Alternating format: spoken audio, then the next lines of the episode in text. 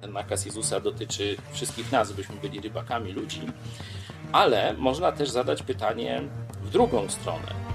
Czy Ewangelia jest przeznaczona, adresowana do każdego człowieka? Ale on słyszy tu wreszcie rozwiązanie problemu swoich grzechów. To widać, że to, co robił dotychczas, czyli szukanie Boga, modlitwy do Niego, przeróżne dobre czyny, jałmużny,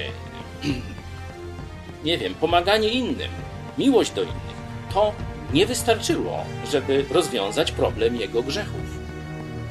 To imię Jezusa jest kluczowe w zbawieniu. Konkretna, historyczna osoba. Niekiedy powiemy komuś, który, co nam w ogóle nie wydaje się, że może być jakoś zainteresowany, czy my, czy ktoś, i nagle okazuje się, że ten człowiek całe życie czekał na tę wiadomość, tak jak Korneliusz opisany w dziejach apostolskich. Wtedy on przyjmuje od razu, tak, całe życie tego szukałem.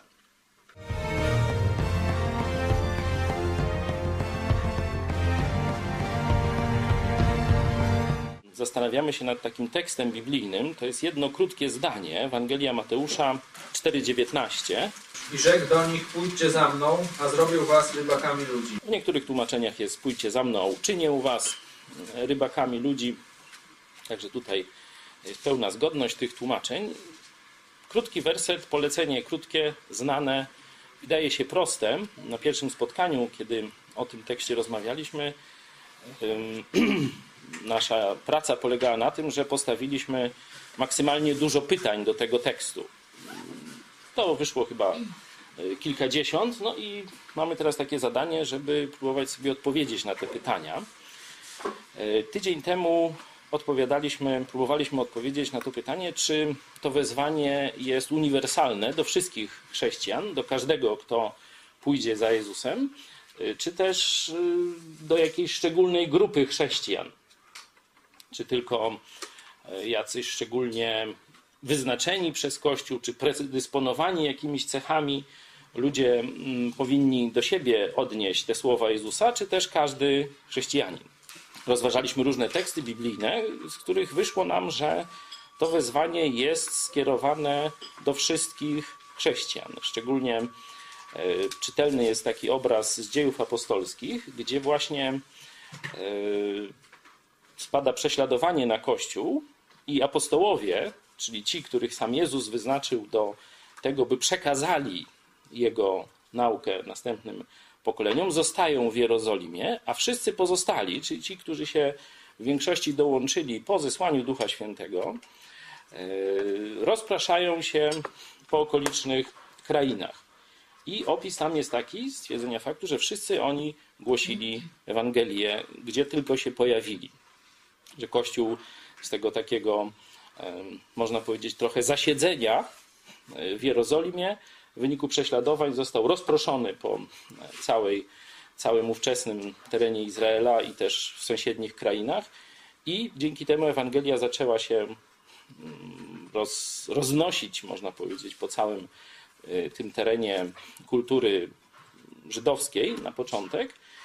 I podkreślam, tam tą cechą tego rozproszenia było, że oni wszyscy głosili Ewangelię. Nie? Czytaliśmy też opisy pozabiblijne wrogów chrześcijaństwa, którzy opisywali chrześcijaństwo tych pierwszych wieków i oni też to potwierdzali, że tam każdy, czy prosty człowiek, czy wykształcony, to każdy z nich, gdzie tylko znalazł jakąś grupę innych ludzi, to próbował im tam wciskać te, te głupoty o Jezusie. Tak, no, wrogowie chrześcijaństwa, no to z tej perspektywy to twierdzili, a dla nas ta obserwacja socjologiczna jest ważna, że rzeczywiście wszyscy chrześcijanie byli zaangażowani w to łowienie ludzi i pozostaliśmy z takim pytaniem, czy problemem, że jeśli tak jest, jak mówimy, że wszyscy mają być tymi rybakami ludzi, pojawia się problem, no, co prawda nie w Polsce, bo w Polsce takich doświadczeń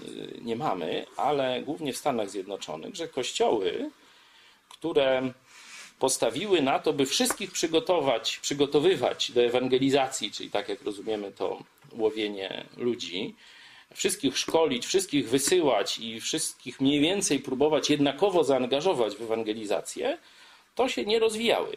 Wręcz przeciwnie. Nie? I z tym pytaniem do zastanowienia zostaliśmy tydzień temu i za chwilę podzielimy się, myślę, że na cztery grupy. Spróbujemy sobie odpowiedzieć na to pytanie w tych grupach.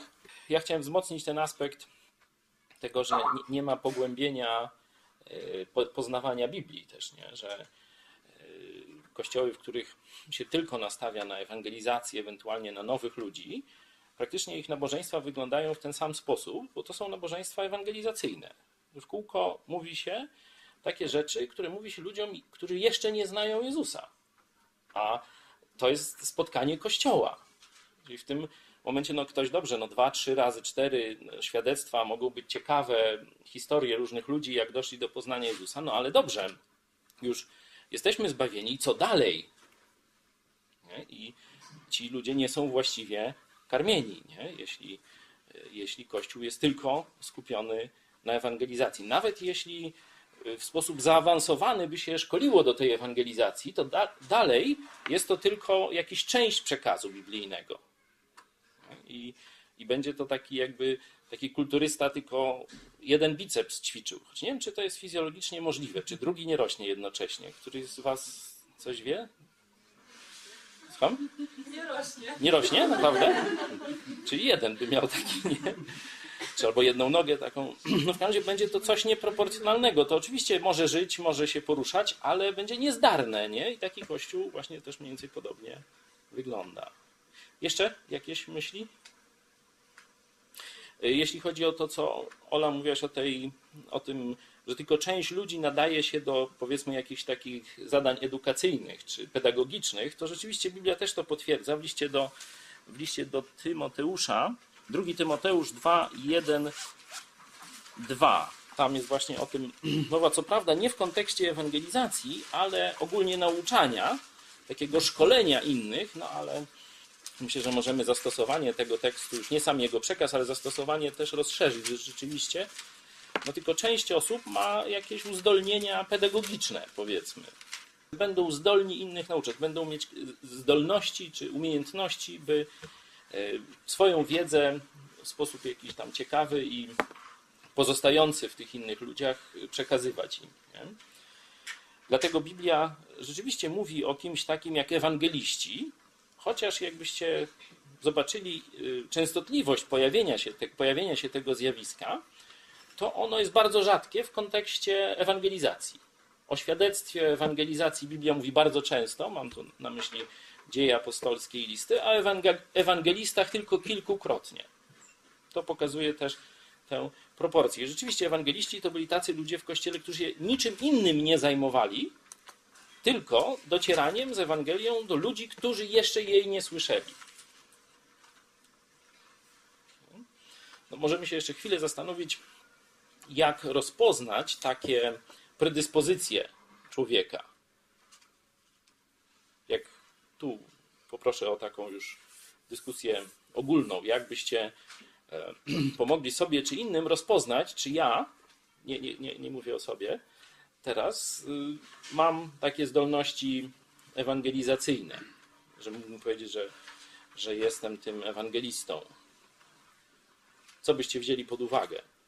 Biblia tego nie precyzuje, to tak, żeby była jasność. Są pewne poszlaki, ale nie ma, nie ma jakiegoś takiego, takiej jasnej listy czy, czy czegoś w tym stylu. Czyli cechy charakteru jeszcze takie, które są miłe w odbiorze. Jakieś? Złapanie kontaktu to jedna sprawa, ale jeszcze niesienie ze sobą swojej wiedzy i znajomość Ewangelii. Mhm. Że ten człowiek nie tylko musi mieć pewne cechy takie, powiedzmy, naturalne, ale i musi być przygotowany do tego zadania. Tu trochę Radek też o tym mówił, o tych argumentach, nie? że żeby dobrać argumenty, trzeba mieć ich sporą pulę w, w swojej głowie. Nie? Jeszcze taka Mhm, proszę. zdolność wyczucia sytuacji odpowiedniej. Wrażliwość. Mhm. Czasami może być to wszystko, wiedza, zdolności i tak dalej, tylko właśnie wczuwa się w odpowiedni moment, że, że wręcz niechęci kogoś Mhm. do szukania. dwie cechy mi się przypominają. Po pierwsze, skuteczność, że po owocach ich poznacie. Nie? Że no człowiek, który rzeczywiście, powiedzmy, jest tym ewangelistą, to on będzie miał tego efekty. Bę- Będą tego y, owoce. Będzie to widać, że ludzie niekoniecznie muszą się nawracać przy każdym y, kontakcie z nim, ale przynajmniej będą go chętnie słuchać, wracać do tej rozmowy i on będzie wiele takich rozmów prowadził, po których ci ludzie będą mieli przyjazne, jakby to powiedzieć, wrażenia co do tego, czym jest chrześcijaństwo. To, co mówiłeś, Krzysiek, o tym odpychaniu niekiedy. Nie? I druga taka cecha to wewnętrzna, że taki człowiek, powiedzmy, cały czas o tym myśli. To jest jego takie, jak gdyby, brzemię, że on tylko widzi innego człowieka i już myśli, jak mu powiedzieć Ewangelię. Nie każdy tak ma, tak jak wiemy, nie? że każdy z nas ma doświadczenia mówienia innym Ewangelii, mamy za sobą takie doświadczenia, czy prawie każdy, ale na pewno nie można o każdym z nas powiedzieć, że ciągle myśli tylko o tym, żeby jak tu powiedzieć o tym, czy tamtym, tym znajomym, czy jeszcze temu nie mówiłem i tak dalej. Nie? Oczywiście można taki stan wytworzyć pewną psychozą grupy, powiedzmy. Nie? Że jakbyśmy tak cały, codziennie o tym rozmawiali i tak dalej, to prawie każdy z nas by tak myślał. Ale ja nie o tym mówię. Tylko może nawet kościoła nie być koło niego. On może nie mieć długi czas, taki człowiek, kontaktu z kościołem, a dalej będzie myślał w ten sposób. Przykładem jest ten Filip, wiecie, ten ewangelista, nie? Gdzieś y, był gdzieś tam na środku pustyni i tylko zobaczył gościa, który jedzie tam swoim wozem, od razu do niego podbiegł i już mu tam zawracał głowę, nie? Że niezależnie w jakich warunkach taki człowiek się znajdzie, to on ciągle o tym myśli. To jest jego takie, powiedzmy, idea fix. Zafiksowany jest w kółko na tym, żeby ludziom mówić Ewangelię. Także no widzicie, że takich ludzi nie jest dużo. W naszym kościele może jest dwie, trzy osoby takie. Tak mocno zafiksowane. I myślę, że to jest całkiem dobra, dobra proporcja. Także podsumowując tam naszą tą całą rozmowę na ten temat, to świadczyć o Jezusie ma każdy. Jednym z podstawowych powodów jest nakaz Jezusa, a drugim to, że do niektórych ludzi tylko my mamy przystęp. Oni nie przyjdą na żadne spotkanie, nie będą czytali jakichś książek, czy słuchali kaset, czy nie, teraz już kaset nie ma. MP3 jakieś tam, czy, czy czegoś takiego. Oni tylko was gdzieś spotkają, czy w autobusie, czy w pracy i tak dalej. I tu każdy z nas jest e, odpowiedzialny za to, żeby wykonać tę pracę rybaka. Czyli powiedzieć temu człowiekowi, zaświadczyć o Jezusie, o tym, że w nim jest zbawienie. Ale część z nas będzie zajmowała się tym właśnie w taki sposób, jak omówiłem, i ich możemy nazwać ewangelistami. Jeśli by wziąć to z tym rybołówstwem, czy z rybactwem, bo to trochę inne słowa, e, analogie, no to są ludzie, którzy zajmują się wędkowaniem od święta, czy raz na jakiś czas, a są tacy, co praktycznie spędzają życie nad wodą. No i jedni i drudzy łowią. I ewangeliści, i ci z nas, którzy tylko sporadycznie mówią swoje świadectwo, czy przedstawiają komuś Ewangelię, jedni i drudzy są rybakami ludzi, choć zakres ich łowienia będzie inny. Dzisiaj chciałem zacząć, bo oczywiście nie, nie wyczerpiemy zagadnienia, ale zacząć temat. Mówiliśmy, czy wszyscy z nas mamy się zajmować e, rybołówstwem, czy, czy, tym, czy to dotyczy, ten nakaz Jezusa dotyczy wszystkich nas, byśmy byli rybakami ludzi, ale można też zadać pytanie w drugą stronę. Czy ten zakres połowu dotyczy wszystkich ludzi? Czy dotyczy całej ludzkości? Czy Ewangelia jest przeznaczona, adresowana do każdego człowieka?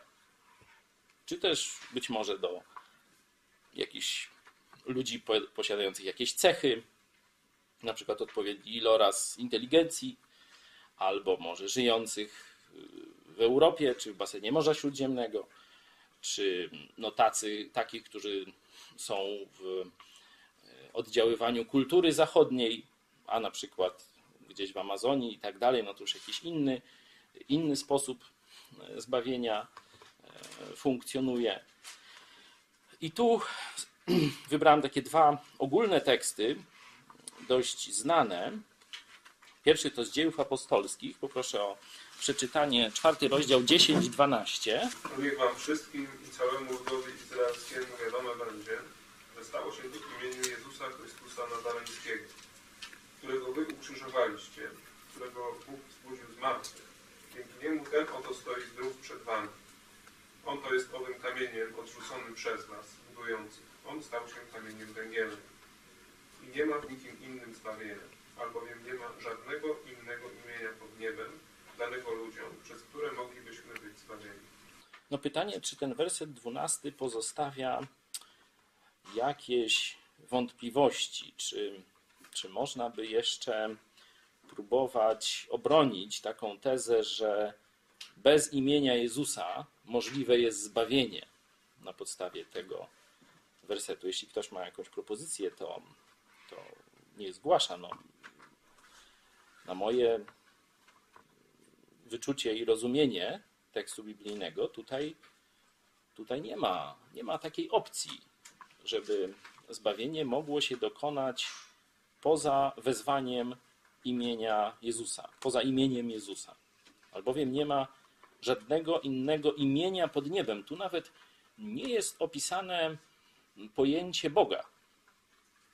Tu jest konkretne imię Jezusa Chrystusa, czyli postaci historycznej. Nie ma żadnego innego imienia pod niebem. Tu też jest taka kategoria, taki kwantyfikator szeroki, zupełny praktycznie. Danego ludziom, przez które moglibyśmy być zbawieni. Podobny zakres Jezus przedstawia uczniom, żegnając się z nimi, koniec Ewangelii Mateusza. A Jezus przystąpiwszy, rzekł do nich te słowa. Dana mi jest wszelka moc na niebie i na ziemi. Idźcie tedy i czyńcie uczniami wszystkie narody, chrząc je w imieniu Ojca i Syna i Ducha Świętego, ucząc je przestrzegać wszystkiego, co wam przykazałem. A oto ja jestem z wami po wszystkie dni, aż do, skończenia świata. W tym z kolei rozesłaniu uczniów są pokazane dwa zakresy. Jeden czasowy, że to się ma dziać od teraz do skończenia świata, czyli od wtedy do skończenia świata. Nie? A drugi zakres no to jest zakres kulturowy. Yy, Wszystkie narody. Idźcie tedy i czyńcie uczniami, tam dokładnie jest czyńcie uczniów ze wszystkich narodów. Ze wszystkich narodów. I tu jest to słowo etne, od czego jest etnografia. Nie? E, nauka o kulturach różnych narodów. Czyli na pewno nie chodzi tu o Żydów, nie chodzi tu o Żydów rozrzuconych po całym świecie, bo ktoś próbując niekiedy tak zawężać interpretację Biblii, no, że tu im chodziło, żeby z całą diasporą żydowską się podzielić tą nowiną o Mesjaszu. Nie, tutaj jest właśnie e, idźcie i czyńcie uczniów ze wszystkich narodów pogańskich albo ze wszystkich pogan. Tak w rozumieniu Żyda należałoby to przetłumaczyć. Tak, tak to zostało powiedziane do Żydów. Czyli z narodów innych niż żydowski. To oczywiście nie wyklucza narodu żydowskiego, ale pokazuje, że Ewangelia absolutnie w zamiarze Jezusa nie była zawężona tylko do, do Żydów, czy zamknięta dla Żydów. O tym jeszcze będziemy za chwilę mówić więcej. Czyli mamy dwa zakresy, też y, takie, które wykluczają y, twierdzenie, że zbawienie może się dokonywać dzisiaj inaczej niż przez Jezusa, gdziekolwiek na ziemi. Jest zakres czasowy, aż od, odtąd aż do skończenia świata, i zakres, zakres kulturowy, czy powiedzmy geograficzny, wszystkie narody. Żeby zobaczyć, że rzeczywiście tu nie ma pomyłki, możemy zobaczyć na skutek. Skutek posłuszeństwa chrześcijan y, temu nakazowi. Czyli otwórzmy ostatnią y, księgę Biblii, czyli księgę objawienia i zobaczmy już niebo. Najpierw rozdział 5, wersety 9-10. I zaśpiewali nową pieśń tej treści. Godzien jesteś wziąć księgę i zdjąć jej pieczęcie, ponieważ zostałeś zabity i odkupiłeś dla Boga krwią swoją ludzi z każdego plemienia i języka i ludu i narodu. I uczyniłeś z nich dla Boga naszego ród królewski i kapłanów i będą królować na ziemi. Tu jest znowu mowa o Jezusie, no, ponieważ zostałeś zabity i odkupiłeś dla Boga krwią swoją ludzi z każdego plemienia, języka, ludu i narodu. Narodu tu jest znowu to słowo etne. mamy jeszcze bardziej szczegółowe kategorie niż naród. Ktoś by mógł powiedzieć, że no dobrze, naród w sensie może tam powiedzmy czarni, biali, y, czerwoni, żółci, no i tam gdzieś kilku z nich, co mają dostęp do tej kultury chrześcijańskiej, no to, y, to, to o nich jest mowa. Nie, tutaj jest ta kategoria sprowadzona jest do każdego plemienia, które gdzieś tam może żyje w środku dżungli, liczy kilkuset ludzi. Z każdego plemienia, języka, ludu i narodu. I następny fragment z siódmego rozdziału, wersety 9-10, też z Księgi Objawienia. Tym widziałem, a oto tłum wielki, którego nikt nie mógł zliczyć, z każdego narodu i ze wszystkich plemion i ludów i języków, którzy stali przed tronem i przed barankiem, odziany w szaty białe z palmami w. I wołali głosem donośnym, mówiąc, zbawienie jest u Boga naszego, który siedzi na tronie i u baranka. To jest praktycznie powtórzenie tego. Tłum wielki, którego nikt nie mógł zliczyć. Czyli nie chodzi tylko o jakichś przedstawicieli poszczególnych plemion, czy narodów, czy języków, ale to jest jakiś wielki tłum, którego nikt nie mógł zliczyć.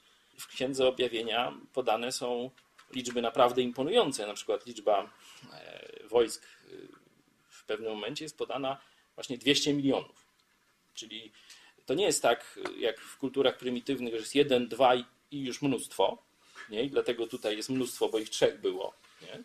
Tylko rzeczywiście to są takie liczby, które no, wychodzą poza zdolności wyobrażenia sobie człowieka, jakieś, którego nikt nie mógł zliczyć z każdego narodu i ze wszystkich plemion i ludów i języków, którzy stali przed tronem i przed barankiem. Szaty białe to jest symbol zbawienia. Że to, do czego Jezus wysłał uczniów, o czym czytaliśmy w Ewangelii Mateusza, to, co widzieliśmy w dziejach apostolskich, kiedy apostoł Piotr i inni apostołowie rozpoczynają to dzieło najpierw od Żydów, a później przychodzą do wszystkich innych narodów, ono się tak kończy w niebie, że jest nieprzebrany tłum z każdego narodu, z każdego języka, z każdego plemienia.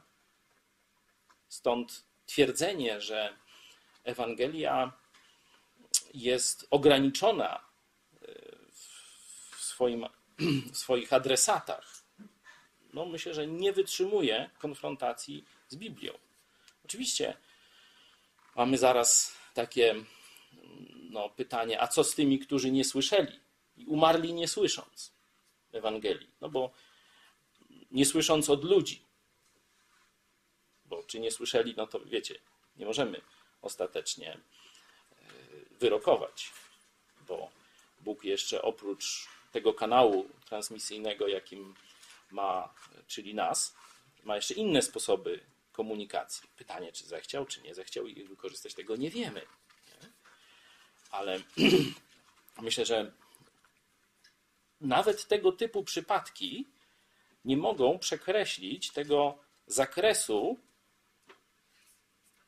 do którego ma dotrzeć Ewangelia, jaki jest jasno przedstawiony w Biblii.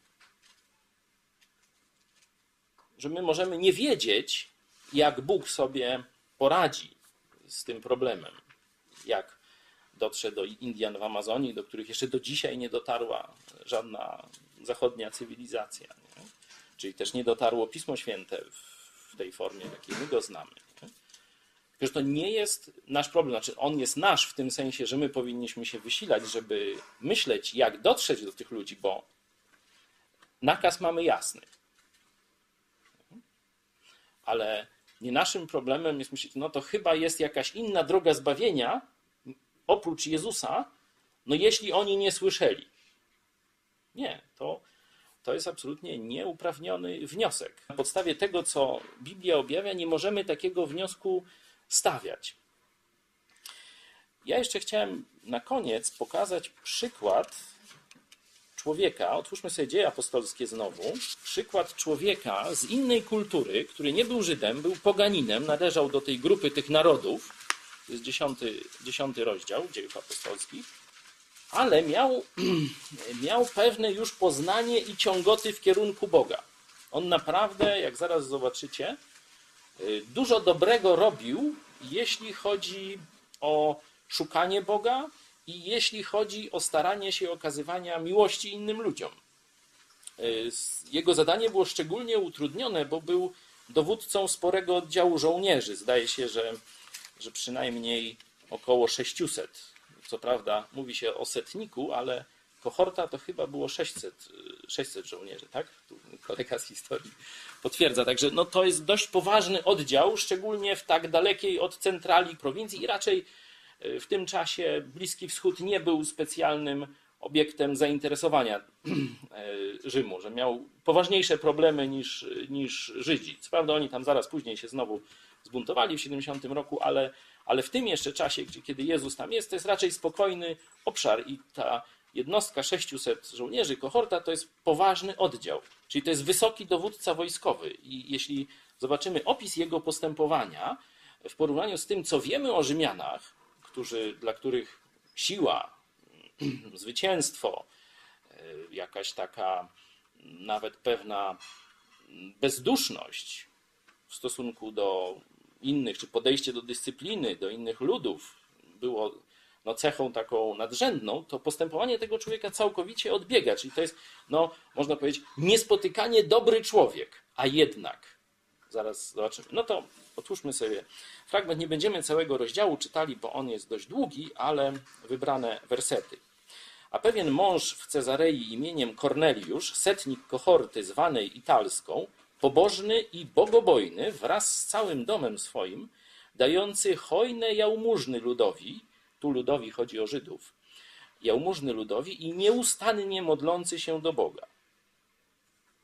Czyli zobaczcie, to jest opis tego Rzymianina, który ani nie był Żydem, nie był też e, prozelitą, on nie należał do e, synagogi żydowskiej, e, ale wiedział, że coś tutaj ci ludzie w porównaniu z religią jego narodu, to coś prawdziwego, coś bardziej autentycznego głoszą i robią i żyją, ale nie był członkiem tego narodu i oczywiście nie znał też Jezusa.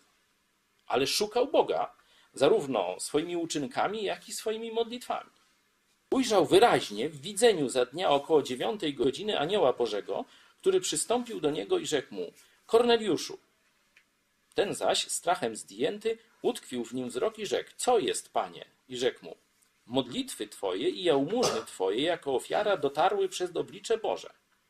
Przeto poślij teraz mężów do Joppy i sprowadź niejakiego Szymona, którego nazywają Piotrem. Przebywa on w gościnie u niejakiego Szymona Garbarza, który ma dom nad morzem. A gdy odszedł anioł, który do niego przemówił, przywołał dwóch domowników i pobożnego żołnierza spośród tych, którzy mu usługiwali. Wyłożył im wszystko i posłał ich do Joppy. Dalej mamy opis, co się dzieje u Piotra. Końcówkę tego opisu zahaczymy, tylko dziewiętnasty werset. A gdy Piotr zastanawiał się jeszcze nad widzeniem, rzekł mu duch: Oto szukają cię trzej mężowie. Wstań prędko, zejdź i udaj się z nimi bez wahania, bo ja ich posłałem. Wtedy Piotr zszedł do mężów i rzekł: Jestem tym, którego szukacie.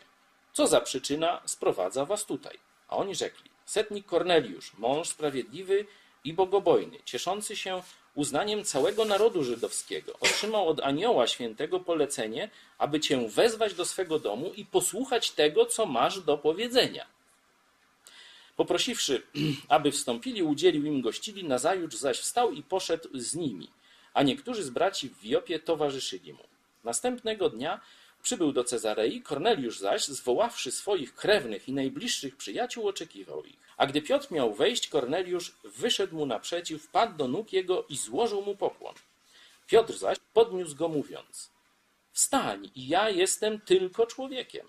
I rozmawiając z nim, wszedł i zastał wielu zgromadzonych. I rzekł do nich, wy wiecie, że dla Żyda przebywanie z ludźmi innego plemienia lub odwiedzanie ich jest niezgodne z prawem. Lecz Bóg dał mi znak, żebym żadnego człowieka nie nazywał skalanym lub nieczystym. Dlatego też wezwany przyszedłem bez sprzeciwu.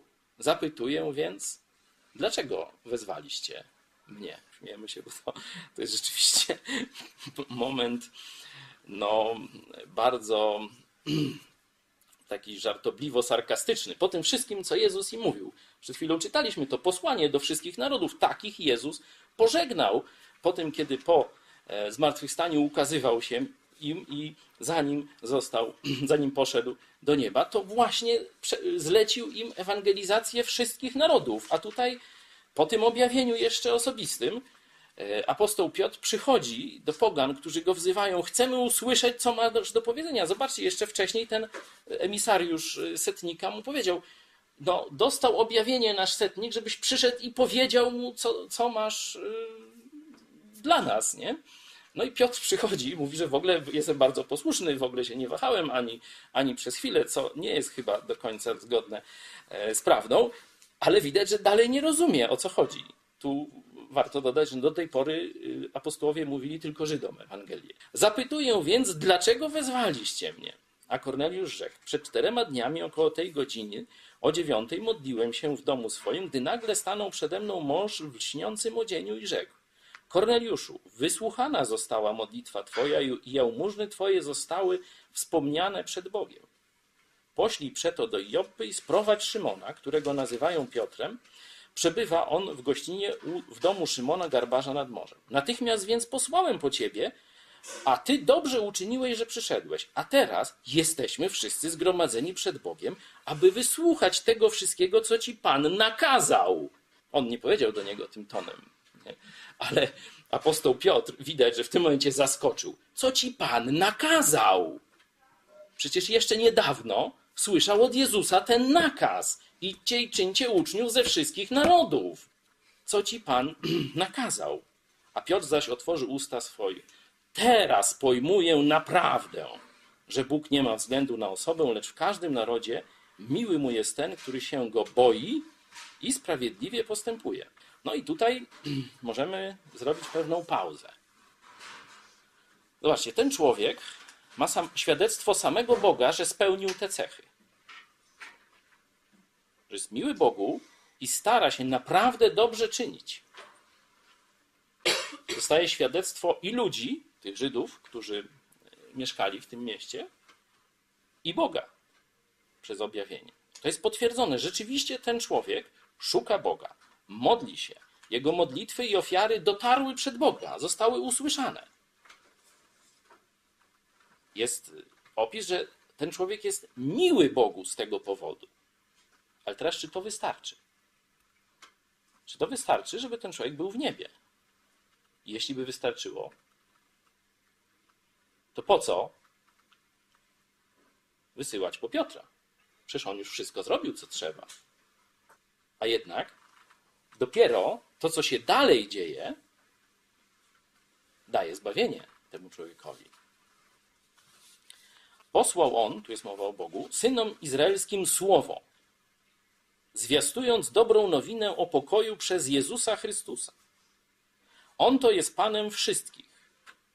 Wy wiecie, co się działo po całej Judei. Odwołuje się do wiedzy, która krążyła metodą one-to-one, nie? że z ust do ust.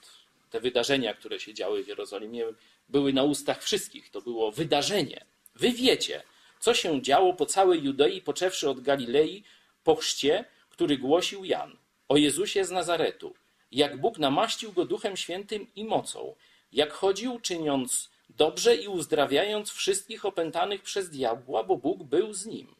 A my jesteśmy świadkami tego wszystkiego, co uczynił w ziemi żydowskiej i w Jerozolimie.